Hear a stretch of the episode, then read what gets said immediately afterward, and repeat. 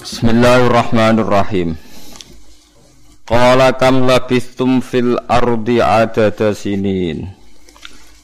Qalu labisna yawman aw ba'da yawmin fas'alil adin. Qala illa bistum illa qalilan law annakum kuntum ta'lamun. Qala dawa sapa Allah taala lahum maring kufar bilisani malikin kelawan lesane malaikat Malik wa fi qiraatin kul. Kul ngucapo sira Muhammad. Kam labistum kam ing pira labistum meneng sira kabeh fil ardi ing dalam donya. Fit dunya tegese ing dalam donya wa fi lan ing dalam kuburan sira kabeh. Ada dasinina kelan wilangan pira-pira taun. Tamyizun utawa apane pirangane pira-pira taun. Te dawu ada dasinin tamyizun dadi tamyiz Kalu padha jawab sapa ngakeh labisna meneng kita yauman ing sedina au ba'da yaumin utawa separone dina. Aku ning donya mung sedina utawa separo dina. Syakku padha mamang sapa ngakeh fidzalika ing dalem al-lubsu fid dunya utawa fidzalika fi dzalikal yaumi au ba'da yaum. Wastaksaruhu lan ngrasa sedelok sapa kufarhu ing ikilah yaum li idzamima krana gedene perkara hum kang utai kufar fi ing dalem minal adzabi saking siksa. Fas'al mongko takok sira Fas'al mongko takok sira al adina ing malaikat sing tukang ngitung. Ail malaikat tegese malaikat al musina kang ngitung kabeh amal al khalqi ing pira-pira ngamale makhluk. Kala dawa sapa wa ta'ala bilisani malik ing kelan lesane malaikat malik. Wa fikra aiten aidon kul Illa bistum ora meneng sira kabeh illa qalilan kecuali sithik. Lau annakum pomo sak temne sira kabeh kuntum ana sira kabeh ta alamu iku ngerti sira kabeh.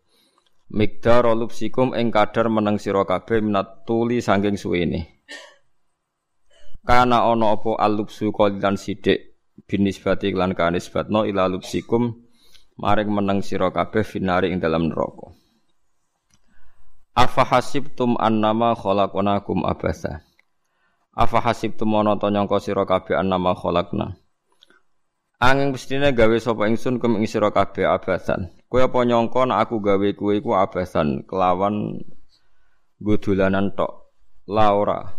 La maksudnya ora godolanan aku gawe kowe li hikmatin krana hikmah.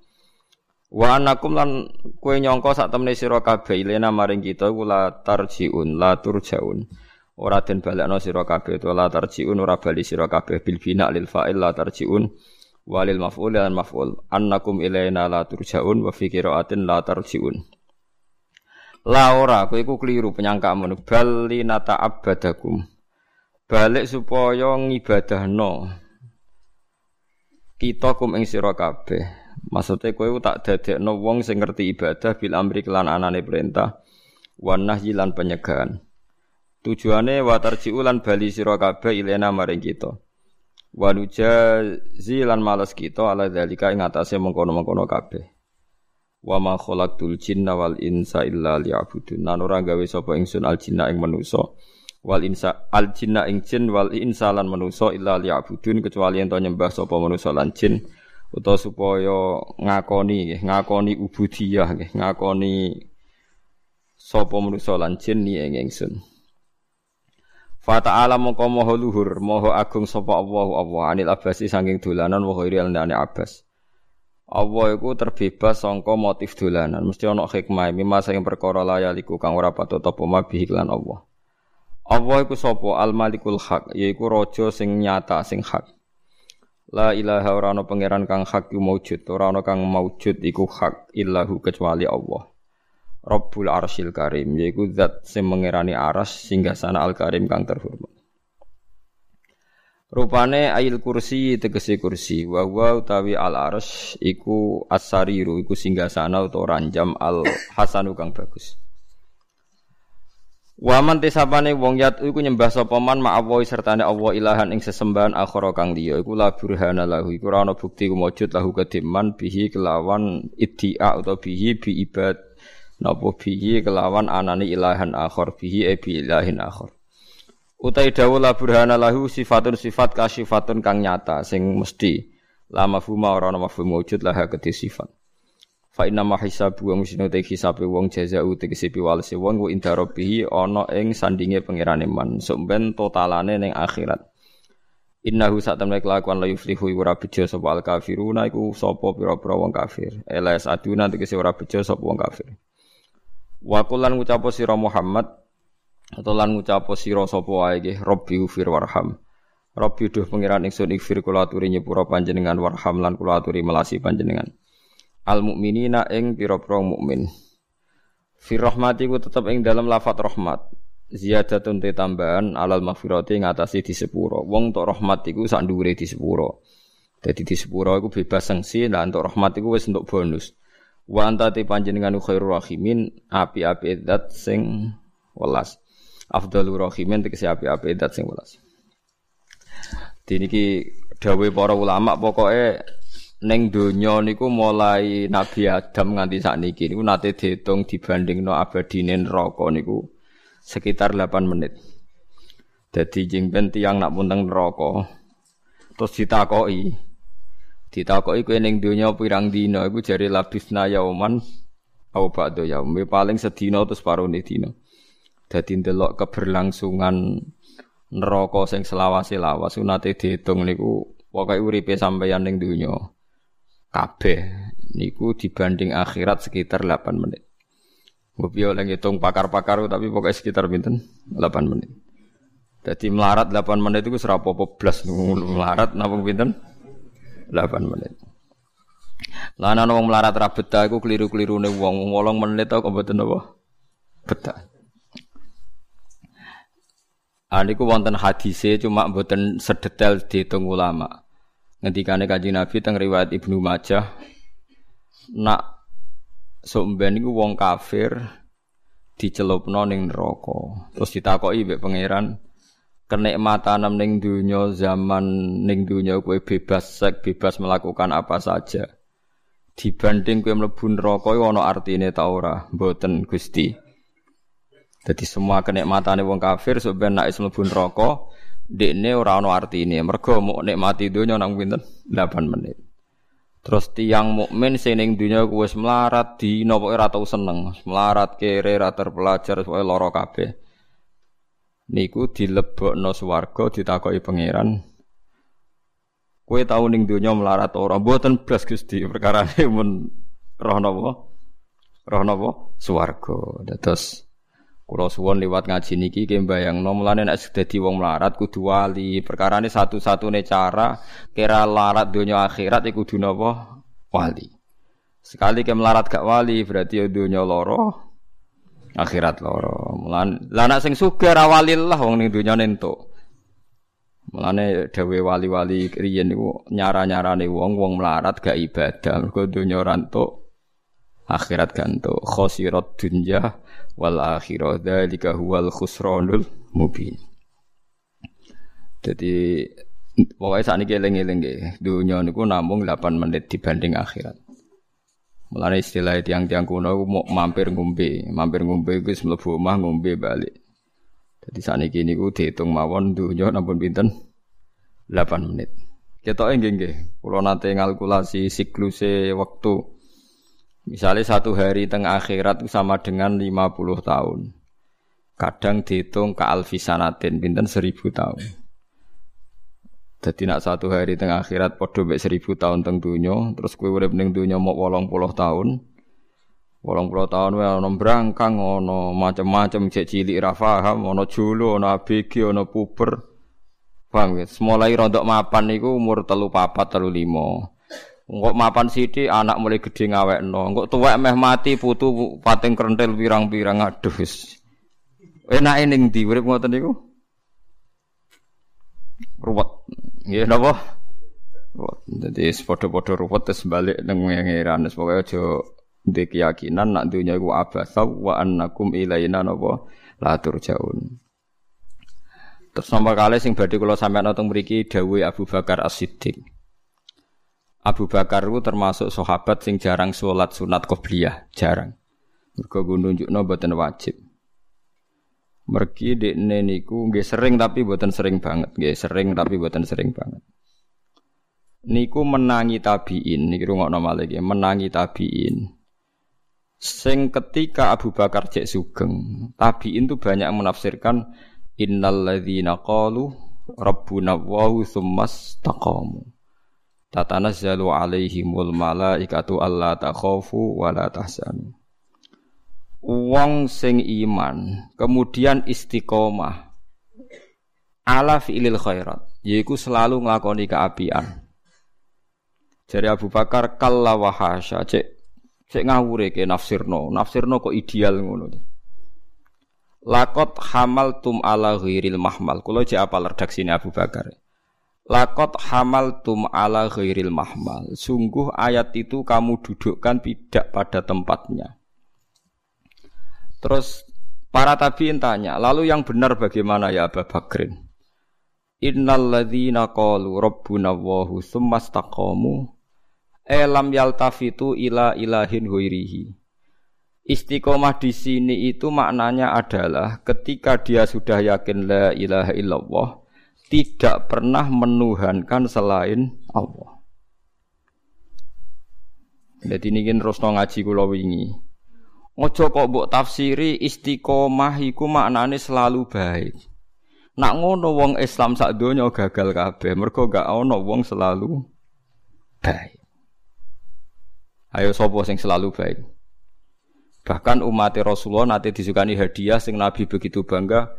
Ukti itu az ini lam yukto nabiyun qabli. Aku dikai dua hal sing sangat-sangat bersinar. Gini ku Nabi liyane ra dikai. Siji Al-Fatihah umul kitab nomor kalih khawatimi suratil Baqarah. Akhir surat nopo Baqarah.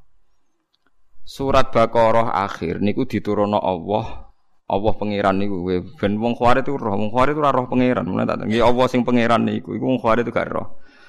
Allah sing duwe donya, sing duwe hisab, sing duwe neraka, sing duwe swarga. Kula baleni malih nggih. Allah sing duwe neraka, sing duwe swarga. Niku mate Nabi dilatih.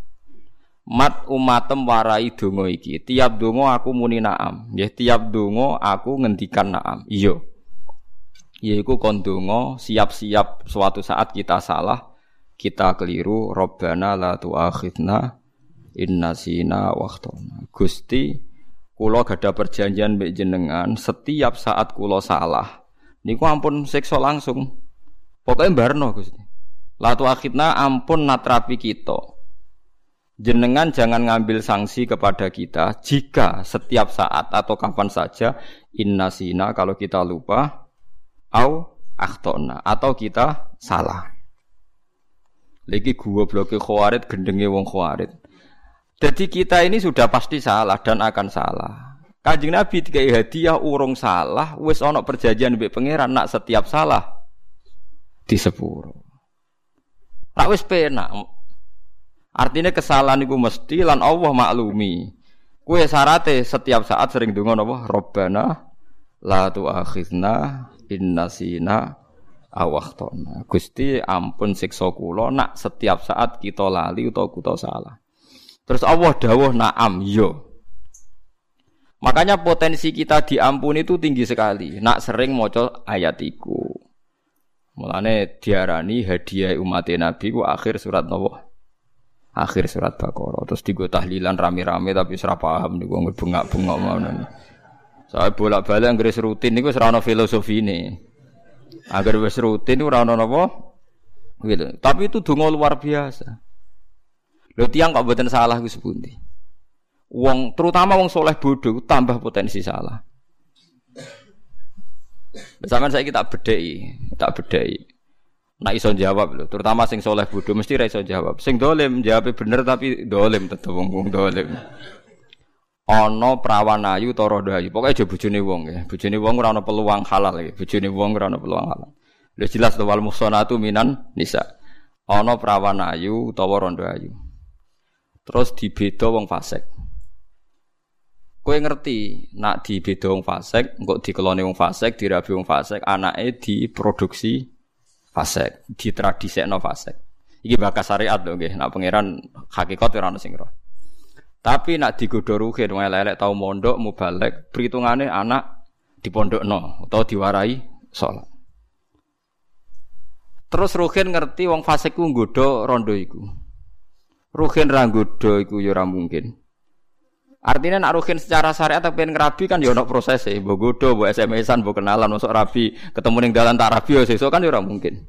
Kowe ngalalo godho ya ora mungkin. Wong godho kok dihalalno. Kowe ngembar wong fase godho ya ora mungkin, mergo potensi ape produksi wong fase. Lha iku bingungnya ulama nak ning fatwa sing sensitif. Karena ini perebutan satu wilayah. Waduh jabatan nggih ngoten. Harta tahta wanita nggih ngoten niku. Kowe nyareatno wong soleh dadi bupati, iku ya ora mungkin mergo parek syubhat parek haram. Tapi kayak ngembarno wong gento-gento sing ora salat ora di tradisi kiai, di tradisi PKI dadi bupati. Kowe ngembarno dosa ta ora? Mboten jawab mawon. Dosa kan. Mulane ning Fathul Muin diterangaken fatwane ulama. Nak ana jabatan cek lurah, cek presiden, cek bupati, cek gubernur. Apa direbut wong dolim dan wong dolim mesti menang mergo tuku. Iku wong soleh wajib tuku. Anggap aja tuku kebenaran. Iku ra, jenenge ra nyuap. Lah saiki wong soleh bodho-bodho, nak ana DPR nyuap, iku dianggap suap. Iku asal DPR soleh, ngerebut sangka potensi dikuasai wong dolim jenenge iku ra nyuap. Badrul mal dianggap tuku kebenaran. Ayo tahu darani suap kudu istighfar saiki. Lho boten iki hukum, kula boten bela sinten-sinten iki hukum. Ayo coba nak ketemu pangeran. Nak nak bener kula. Dadi ar-rasi wal murtasifin naru maksude ora ngene iku. Misale ngeten nggih. Niki rungokno tenang aja sampai salah. Nak salah rata aku murid ning swarga. Nggih rungokno nggih. Misale kula duwe sawah, gadane kula. Utawa di bojo bojo kula, pokoknya hak itu milik saya. Hak itu milik saya. Kemudian direbut Ruhin. Katanya Ruhin miliknya. Dan saya tahu hakim ini hakim dolim. Nak disuap, bela Ruhin. Artinya nak Ruhin bayar 5 juta, dimenang no Ruhin. Nak aku ram bayar. Tapi nak aku bayar 6 juta, dimenang no aku. Aku bayar 6 juta, neng hakim itu nyuap apa tuku kebenaran. Sing darane nyuap iku malik barang hak dadi batil, batil dadi hak iku jenenge riswah. Lha saiki wong do goblok masal angger dikeki dhuwit diarani suwab. Iku musibah innalillahi wa inna ilaihi rajiun. Lho nggih. Niki mboten guyon. Kowe saiki contoh gampang rasa presiden, rasa bupati, lurah mau lurah, ana calon lurah. Kira-kira nak menang tayuban, oplosan, penggaweane ngundang sinden, ngundang dangdutan. Terus disaingi lurah, ruhin santri. Lurah sing dolim tuku 20.000. Kita ngerti nak sing soleh tuku tolong puluh ewu dadi iku cara Fathul Mu'in cara kitab-kitab sing soleh wajib tuku. Iku dianggap tuku kebenaran. Paham ya? Jadi orang nyuap. Sing darani nyuap iku satu pembiayaan sing hak dadi batil, batil dadi hak. Tapi nak tuku kebenaran ya tuku kebenaran padha karo jihad ngoten mawon. Nggih tuku kebenaran padha mbek napa? Jihad. Lah nang ngono misale bojone Ruhin diculik wong dolim terus wong dolime. Anak ora mbok tebus ratakno kan bojo iki. Aku pengen kayak duit nyuap, bayar repot. Paham ya? Lho lagi nak bojone Ruhin diculik terus Ruhin kon bayar. Misalnya Ruhin bayar, mau bayar aku haram iku jenenge apa? Ora, ya Ruhin bayar iku ya tuku kebenar. Tuku napa? Kebenaran. Nah kecuali ngene bojone wong terus rugen bayar iku akokno bojoku. Lah iku nyuwap. Lah mulane aku ora seneng mbek wong soleh fatwa iku ora seneng. Wong soleh pokok ibadah ngenteni swarga wis mati wis. Aja geman fatwa. Mulane bener dawuh Sayyidina Ali sing rusak Islam loro. Qasama dhuhrani rajulani sing rusak gegerku mau loro tok. Yaiku wong soleh ahli ibadah tapi bodoh, ambek wong alim kurang ajar. Go wong soleh bodoh fatwane melingkar, wong alim kurang ajar kelakuane melingkar. Mulane disebut fasadun kabirun alimun mutahatiku. Tapi wa akbaru minhu jahilun mutanasiku. Gedene kerusakan ana wong alim kurang ajar, luwe gede meneh nek ana wong bodoh ahli ibadah. Wong ahli bodoh ahli ibadah udah kriminal. Perkarane kesalahannya banyak. Buatan kata sebudi, contoh gampang. Ono wong penggane itikaf neng masjid, bedino wiridan. Jajal sampean tes awes. Terus jajal tes saya takoi, mbah. Niku. anake jenengan badhe dirabi tiyang. Nggih seneng padha seneng. Cara jenengan sebuti serabekno nak seneng padha seneng. Orang alim akan tersiksa karena orang alim tahu ini halal apa ndak halal. Nanti nak dikeloni wong iki ngelahirno wong dolim ta wong fasik, agamane kafaah ta ora. Jadi orang soleh itu selalu mensederhanakan apa? Masalah. Sepodo senenge piye meneh. Lah wong alim kan perhitungannya kan detail lima liha wa jamaliya wa hasabiyah fatwar bidzati din tariban ya dak. Lan kula bolak-balik debat wong soleh. Tapi ini tukang dalil gitu nggak etika ya tapi ratu tukang fatwa nah, tetap clear. Jadi beda nyuap abek Badrul Malik beda. Ini sing dawuh Fathul Muin kitab semua kitab dawuh. Kalau pembiayaan kebenaran biar tetap benar itu jenenge jihad. Sing darani nyuap itu bener dadi salah. Salah dadi bener. Lah iku nak dibiayai jenenge suap. Ar-rasi wal murtasi finnar. Tapi misalnya ono presiden cara kue soleh A, citoke muni soleh B, ono lurah petinggi. Angger sing dukung ku meyakini soleh A, ya kudu wajib biayai A. Lah masalah zaman akhir sing soleh lah kon bayar, lah iku perkarane, lah iku musibah. Mestinya nak kita penggemar wong soleh ben dadi presiden ta dadi petinggi, kita sing melok bayar. Mereka membiayai kebenar. Ora malah sing soleh lah ora kuat dadi lurah mergo kiai sing soleh lah njaluk dhuwit. Dadi soleh mangan napa? Soleh. Iku perkara nah niku. Oh ora iso nak niat ya sing kiai sing soleh-soleh melok bayari ben sing soleh dadi. Mergo nak sing dadi wong dolim agama macet. Paham ya? Dadi aja geman fatwa iku hati-hati. Dadi wong soleh mulai dhisik perkara. Nah, mulai Abu Bakar duka. Sumastakomu iku artine iku aja kok terus ora tau dosa, iku nantang sunnatullah ning liyane nabi, liyane nabi mesti ora maksum. Dadi sumastakomu elam yaltafitu ila ilahin wirihi, gak tahu mengerakno liyane Allah. Tapi wong soleh-soleh zaman Abu Bakar era tabiin, Abu Bakar menangi tabiin, karepe istiqomah wong terus ora tau salah blas, ora gak ono sing ning swarga. Terus ayat Robbana latu akhirna innasina didakoni wong-wong suatu saat potensi salah. Lain nak ndonga niku sing tenanan dadi wis duwe kompensasi mbek pangeran nggih um, auzu.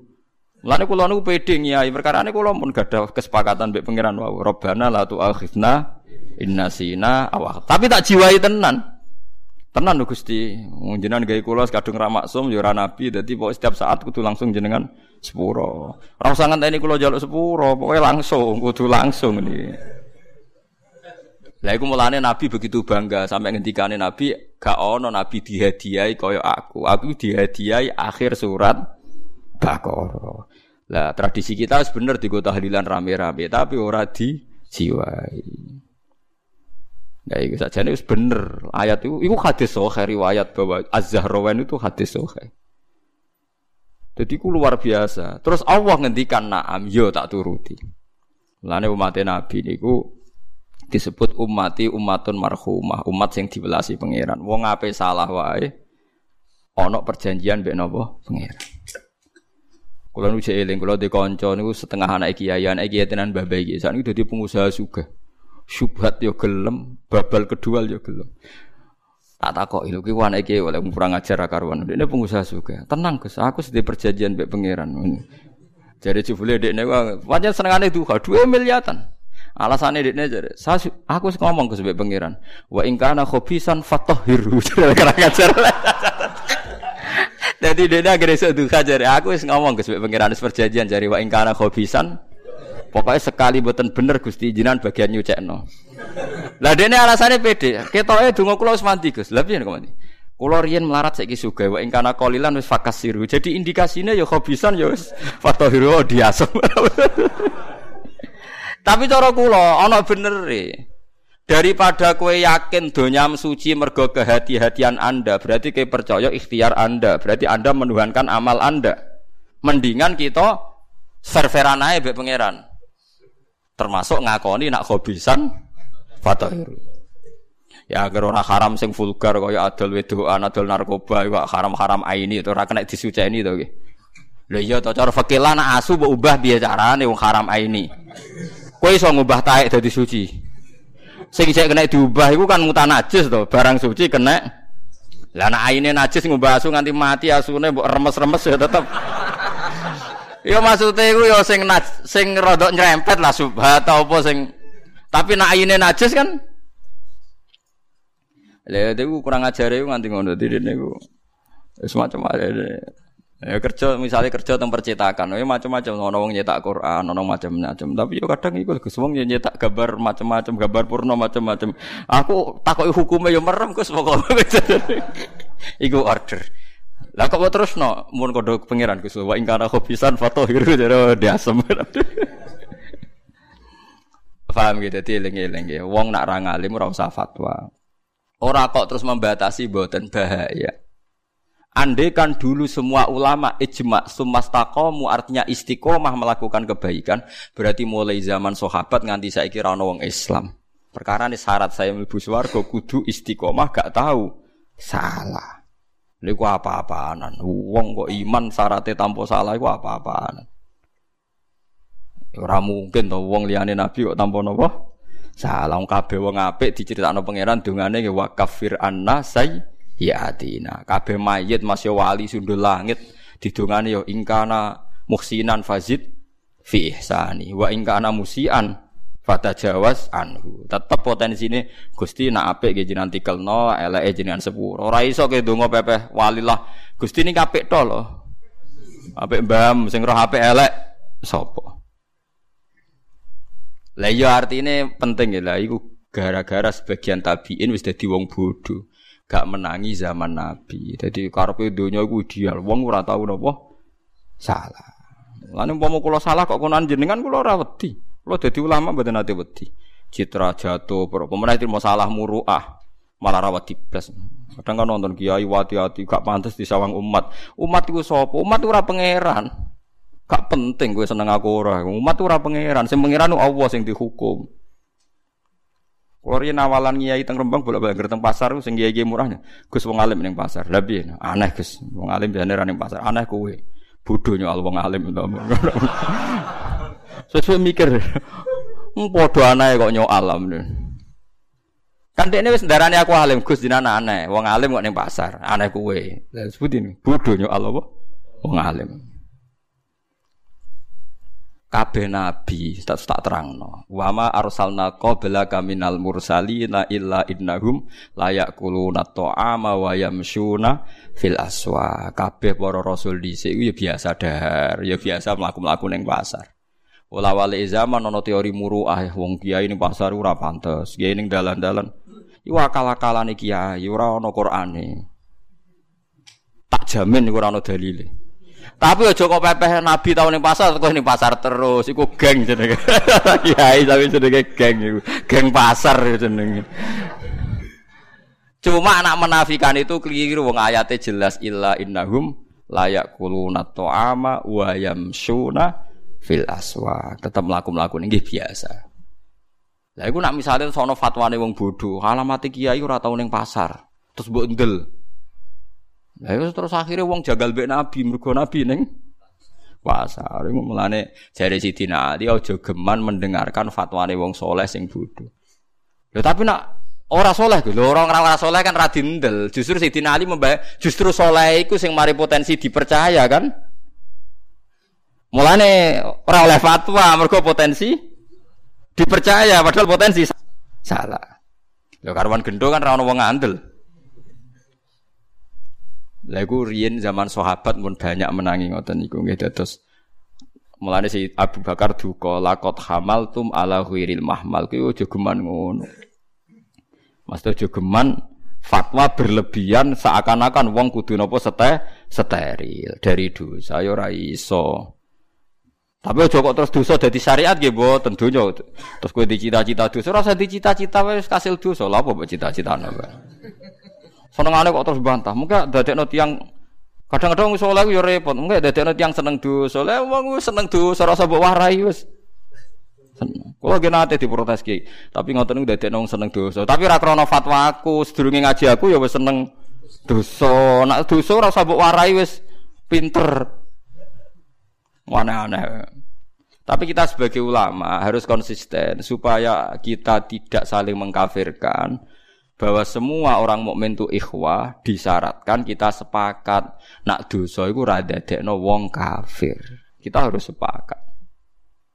Paham ya nak dosa iku ra dadekno wong niku napa kafir. Ya wow kaya misalnya suap menyuap kudu yakin sing diarani suap iku barang hak dadi batil, batil dadi ba ha. Mulane delok wong wedok yang ngono kan. Wong wedok ayu, didelok ruhin ape dirabi, halal apa ora ndeloke? halal mergo deloke proses ape di rabi tapi nek ape digodho ape digodho menan haram. Lah saiki misale ana rondo ayu ruhen pengen rabi. Geleme dirabi nanti kayak dik sak juta. Ana gento ape tuku sak juta gelem dikeloni. Ruhen wajib tuku sak juta. Perkara tuku hak kan mergo ape dirabi. Paham nggih? Berebut dadane ora lho lek yo ruhen ora iso diarani nyuap mergo demi barang halal lah nek ngono mahar haram. Ayo bayar mahal demi apa? Demi kelon kan? Kenapa mahar nikah itu baik? Mergo tuku barang hak. Fa innakum akhadtumuhunna bi amanatillah wastahlaltum eh fa innakum akhadtumuhunna bi kalimatillah. Seperti fa innakum akhadtumuhunna bi amanat wastahlaltum furujahunna bi kalimatillah. Nek ngono wong salam tempel ning kiai ra dosa. Mergo nyuwak. Ya ora ana ngono iku agar barang hak dadi hak iku jenenge sedekah utawa jihad. Sing darani nyuwap hak dadi batil. Batil dadi. Lah wong Islam saiki akeh sing bodho, wong saleh-saleh akeh sing bodho.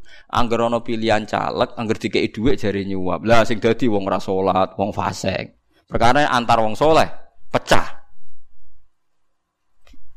Jadi misalnya Mustafa kok utawa Ruhin nyalon caleg wajib mbok dukung. Waktu buat biayai, ngomong soleh gitu biayai. Nak nganti kalah selain terus tawan bunuh diri ya terus. Paham gitu tiling ini. Kalau kok buatan ngalah suap buatan sampean keliru nak review suap buatan nak suap tetap dosa ilayomil kiamah. Tapi sampean keliru nak review nopo suap. Sing darani suap membayar merubah hak dari batil, batil dari nopo hak. Tapi misalnya bujum diculik utawa sawam ham diculik hakim, nak ra dibayar kayak gak dimenang, nolak kue bayari jadinya gak nyuap, tuku barang nopo hak. Lah cuma hakimnya secara hukum syarak itu haram menerima karena kebenaran harus diputuskan meskipun tanpa bayar. Tapi sing bayar ora dosa, paham nggih hakime? Dosa, mergo mutusno kebenaran kok ngenteni di bayar. Paham nggih? Jadi kudu proporsional. Saiki mboten. Kabeh kuatah teng daerah kula wong jatuh gara-gara dianggap nyuap. Jadi misalnya kita di PNS juga sama, misalnya kompetisi PNS yang bayar jadi, yang tidak bayar tidak jadi. Jika anda merasa mampu dan bisa memperbaiki departemen itu kalau jadi, umpama tenan ke bayar ya anggap aja tuku barang hak. Temenan barang misalnya departemen pendidikan dipimpin ruhin terus Islami religius. Berarti kan tuku hak kono Nak tenan loh, syaratnya tenan gitu demi hak, tapi nak diminasi PD ya mbor. Kira cerita cerita nak bayar demi barang hak. Niku kuwat hari zaman sahabat. Lah ngono Abu Bakar tuku Umayyah rak dosa. Bilal diduduki ngene-ngene terjadi Bilal. Kenapa mbok duduki jare Abu Bakar? Ya mergo iki budakku wani aku, ya tak tukune. Wah Abu Bakar nyuap Umayyah, ya repot. Berarti Abu Bakar tuku barang hak. Mergo Umayyah gak mungkin bebas Abu Bakar tanpa di tanpa dibayar. Sono meneh zaman Sayyidina Umar nganti cerita Usfuriyah kono caci cilik dolanan manuk. Bareng dikurungi Sayyidina Umar. Iku kan ya dituku. Cung. Manuk tak pek, ya ampun. Tak tuku angsal. Nak tak tuku oleh, oleh tuku ora oleh. Bareng dituku, bareng dituku manuke dicullo. Jadi nganti ana kitab napa Usfuriyah. Kitab manuk napa Emprit. Ya wes akhirnya diculok. Lah berarti Umar nyuap, ya ora iso mergo demi kebenaran. Tapi cari kancaku kurang ajar. Sayyidina Umar ono-ono ae, empret diculok, manuk gedhe sebelah. kurang ajar kayak kualat. Acar aku ya bener maksudnya. aku lah yakin muga manuke gede di sebelah orang diculok. Ya tapi di sebelah ya ora salah to, manyer halal. Cuk, lho iya diculno cara aku sebabnya loro. Siji tahu dikurung, loro mergo mbok cilik. Kadang wong kurang ajar ya bener. Ala gue super perkara de cilik, cara gede yakin Sidina Umar gak dicolok. Apa dadi sebelah. Lah ya misale jago gede dikurungi, dituku di apa dicolok? Belah. Tapi ora F lho, ora kok terdarane. Ya ora F to, niku halal napa? Paham ya? Jadi saya jelas gitu. Jadi tuku barang hak niku angsal. Ya tuku barang hak napa? angsal. Mulane Sayyid Hasan, Sayyid Husain, Sayyid Ali Zainal Abidin riyen sering bayari penyair.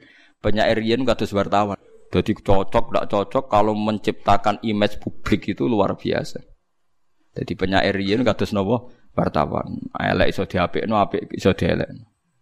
Misalnya wong disuting apik tok pas elek ra disuting. Nak sing musuh elek tok disuting apike. Disuting gak loro tapi. Ngono kandidat di tertentu api eh disuting terus masuk wong ra elek plus de caca. Sing sitok men disuting. Elek ya loro tenan. Dari yen penyair kados ngoten niku. Penyair tak ceritani iki, kula niku apal sair-sair Arab. Mergi kula di kepentingan tak nggo maknani Quran. Ku nak darani wong elek iku nak ngibaratno wong elek jare kabak rotin nakarot hadik. Koyok taek garing sing dicocok pitik. Dadi nak darani misalnya ana tokoh kok elek nyontokno kabak rotin nakorot hadi kaya taek sing dicocok tletong lho taek kok wis elek ijek dicocoki pite wis kaya apa elek Larian itu ada banyak penyair yang sering dikasih uang Sayyid Ali Zainal Abidin, anak Sayyid Husain. Sayyid Husain sendiri sering ngekik uang penyair, digugat sama Sayyid Hasan. Kenapa anda sering ngasih uang penyair? Bukankah mereka cangkem elek? Terus dari Sayyid Husain, khairul mal mawu kia bihil irdu. Kalau cek apa lafate khairul mal mawu kia bihil irdu. Api-api e duwe iku sing kanggo jaga harga diri. Jadi misalnya kayak di tonggo kecangkeman, arabu kayak duit kecangkeman, gak buat servis kecangkeman. Senajan to iki wong fase kudu mbok kakek. Mergo nek iku nganti kecangkeman terus nglarakno hati. Lah ngilangi loro hati iku ibadah. Mulane sering riyen Imam Ghazali ulama riyen ono preman untuk tukang el dikei dhuwit. Wong udah janggal, ganggangi wong saleh ngekeki preman, gak betah cangkem. Lah itu mulai dulu. Lah ngono ya ora nyuap. Wis pancen wis ngono mulai dhisik ulama ngono khairul mal mau kia bil irdu. Api-api dhuwit sing nutup cangkem napa? Elek.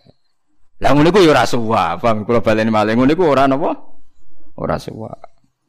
Paham ya dadi eling-eling ya dadi Ora kok terus kula gedeng wong soleh mboten nggih. Nggih kita hormati, tapi nak fatwa aja mbok rungokno.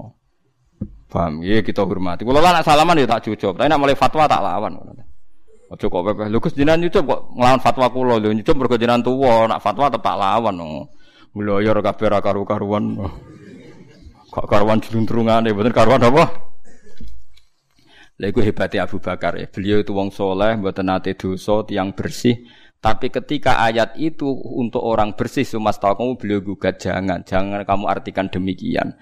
Nak ngono umat Nabi rano sing mlebu napa swarga. Jadi sumas kamu elam yaltafitu ila ilahin wirihi. Tidak berpaling pada Tuhan lainnya. Rokok terus istiqomah aku nganti mati rasalah blas. Ya repot nak wong mati-mati rasalah blas ya ora mungkin liyane Rasulullah mboten mungkin. Ayo contohno sapa? Ayo Abu Bakar tahu di masalah sampai Sayyidah Fatimah. Semuanya pernah Sayyidina Umar di masalah sampai Sayyidina Ali, Sayyidina Utsman.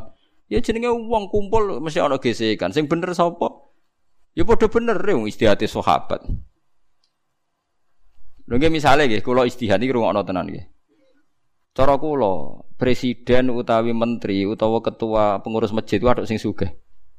Mergo nak duit masjid diutang iku iso Iso njupuk dunyane. Lah anak ketua takmir melarat. Wis wikil lah. Repot. Dan sisi tok istihad. Ketua takmir sing melarat ae, sing penting soleh. Mergo wong melarat mek sugih biayane padha. Kula nu ngrasane sampean gak ora rasane dadi kiai, kula ora rasane dadi kiai. Dadi semati rasa melarat mek sugih padha. Kula nak didolani Gus gede, pokoke sugih. Ya ora nyangoni, tapi pantes itu disuguhi sate. Sate mangan enak. Tak hitung yo entek 100.000 padha. Bareng ditani santi melarat, tempe doyan tapi mulai nyangoni, bar gak iso mulai gak nyangoni. Tak itu ya padha. Eh jebule sugih mek melarat iku padha to. Dadi aku kumpul wong wis mulai bapak jare ngendikan, aku iku wis mati rasa dadi kiai. Padha ngurmat wong sugih wong melarat iku padha. Lah wong sugih mertamu kan gak nyangoni, tapi pakanane Late, padha wae ngentekno donya. Sing melarat tempe tahu doyan tapi nyangoni, nek ora nyangoni ra mulai. Mergo ya ora iso mulai tenan misalnya. Padha kan? Padha. Eh jajal ke lunga mbek wong sugih. Kowe lunga mbek wong sugih ya. Diumbali, kowe diservis. Mbok hitung terus ngentekno dhuwit. Misale kula melarat. Dijak lunga rugen sugih, numpak Alphard mesti dibiayai telung dino. Tetep aja aku ora kerja telung dino. Misalnya kerjaku sedina entek seket, berarti telung dino satu seket. Baru kan ngerasa berjasa mergo gratis. Padahal aku kehilangan kesempatan kerja satu seket. Podo bangen nengen. Emang suka sing meliti sangane nang ngajak wong tak biayai gratis, gratis dasem telung dino aku ora kerja. Lah kecuali wong suga ideal. Ora kerja pirang dino, telung dino. Biasanya sedina pira seket, hmm, tak ganti satu. Tapi jarang wong agar ber wong suga agar segratisi nyongkore wis kon Honda. Kowe agak tahu tuh dadi ulama mikir koyo kula mboten nate to. Padha wae. Padha misale di elek mbek sugih kok larang di padha wae. Dadane wong elek ndak akeh padha. Ora dadi-dadi padha ya gel padha. Jare wong sugih ya enggak selera, wong ayu ya selerane blonjo. Wong elek ora di selera blonjo tapi dadane iku wah angel tenan. Padha wae, pokoke intine iku padha wae. Lagi ya, kula nu ngrasakno tenan nak tamu paling krasa. Dadi wong ditamoni wong sugih iku gak nyangoni, tapi servisnya mahal. Melarat servisnya rendah tapi nopo? Nyangoni. Kok hitungane terus sama. Lha iku fatwane ulama. Nak fatwane soleh kan ora. Wis wae wong saleh iku piye ya ora tau mikir pancen. Dadi apa-apa mau didelok ketoke ngono dadi penak. Dadi ya lugu ngoten. Mung bolak-balik tak takoki barang berbeda jawabane nggih sae, Gus ngoten nggih sae. Cara jenengan Mbah pengajian dalu-dalu ngrameni tiyang hukum sae iku siar Islam. Tapi nak tiang mboten pengajian wiridan teng dalam sae lek Gus wiridan. Waduh kabeh kok apik gitu. Tak bolak-balik tak jajal wong saleh-saleh ditakoki hukum sing beda-beda jawabane sae. Pamat wong. Dadi kula niku mboten asal ngomong. Lha iku pengalaman Sayyidina Ali fasadun kafirun alimun mutahatiku tapi wa akbaru minhu jahilun mutanasiku. Dadi dadi repot. Lengge to kula sering diceritani Gus-gus sing gadah KBIH gadah KBIH. Nate bakdo sa'i niku kancane sedang ngenteni teng Marwa, badhe tahallul. Ke badhe sa'i saged tahallul awal. Niku dinteni niku ora teko-teko. Warang teko meh kesemper. Perkarane to apa saine ping 14. Dadi dekne ngitung sofa marwah, sofane lagi sak tangkep siji. Paham ya? Dadi kancane mau ping 7, dekne ping pinten? 14. Masuk wong sak menaki ya to, saine ora bar, aku bar dhewe. Waduh kena bodoh repot. Kayak kayak gitu misalnya mbok urusi. Terus sak donya pikirane ngono kabeh, suwe-suwe sak ya. 14 kabeh kan. Dan melani kelebihannya wong alim itu diomongno sofa marwa sito, marwa sofa loro. Paham ya? Sofa marwa telu. Mergo potensi difahami sak tangkep sitok ya. Nggih nembe niki lho 2000 pinten 2000 loro napa telu. Kejadiane nembe ora kok dhisik mboten. Jare Gusti astagfirullah zaman ngene kok jek ana wong sai ping pinten? 14. Piye iku mau, baca ngeri, ngeri, ngeri tenan. Paham gitu, terus niki kula suwun hukum-hukum sing nyerempet khawarit iku bandingno tenggene Quran. Quran piyambak wong apik iku sapa? Wong apik iku sing eleke di sepuro. Eling-eling wong apik sing eleke di sepuro. Ben sampean yakin nak niki mboten omongane kula tapi dawuh Allah. Misalnya teng surat Fatah, wong apik iku sapa? Liyudkhilal mu'minina wal mu'minati jannatin tajri min tahtihal anhar khalidina fiha. Terus wa yukaffiru anhum sayiatihim wong apik wong sing eleke di sepuro. Berarti intinya kan tetep ono elek cuma di sepuro. Lah nak ngono sumastakomu artinya ora kok istiqomah rata elek kan? Tapi ya tau elek tapi di sepuro jadi nak nafek no elek sama sekali khawarit ngene apa khawarit eling-eling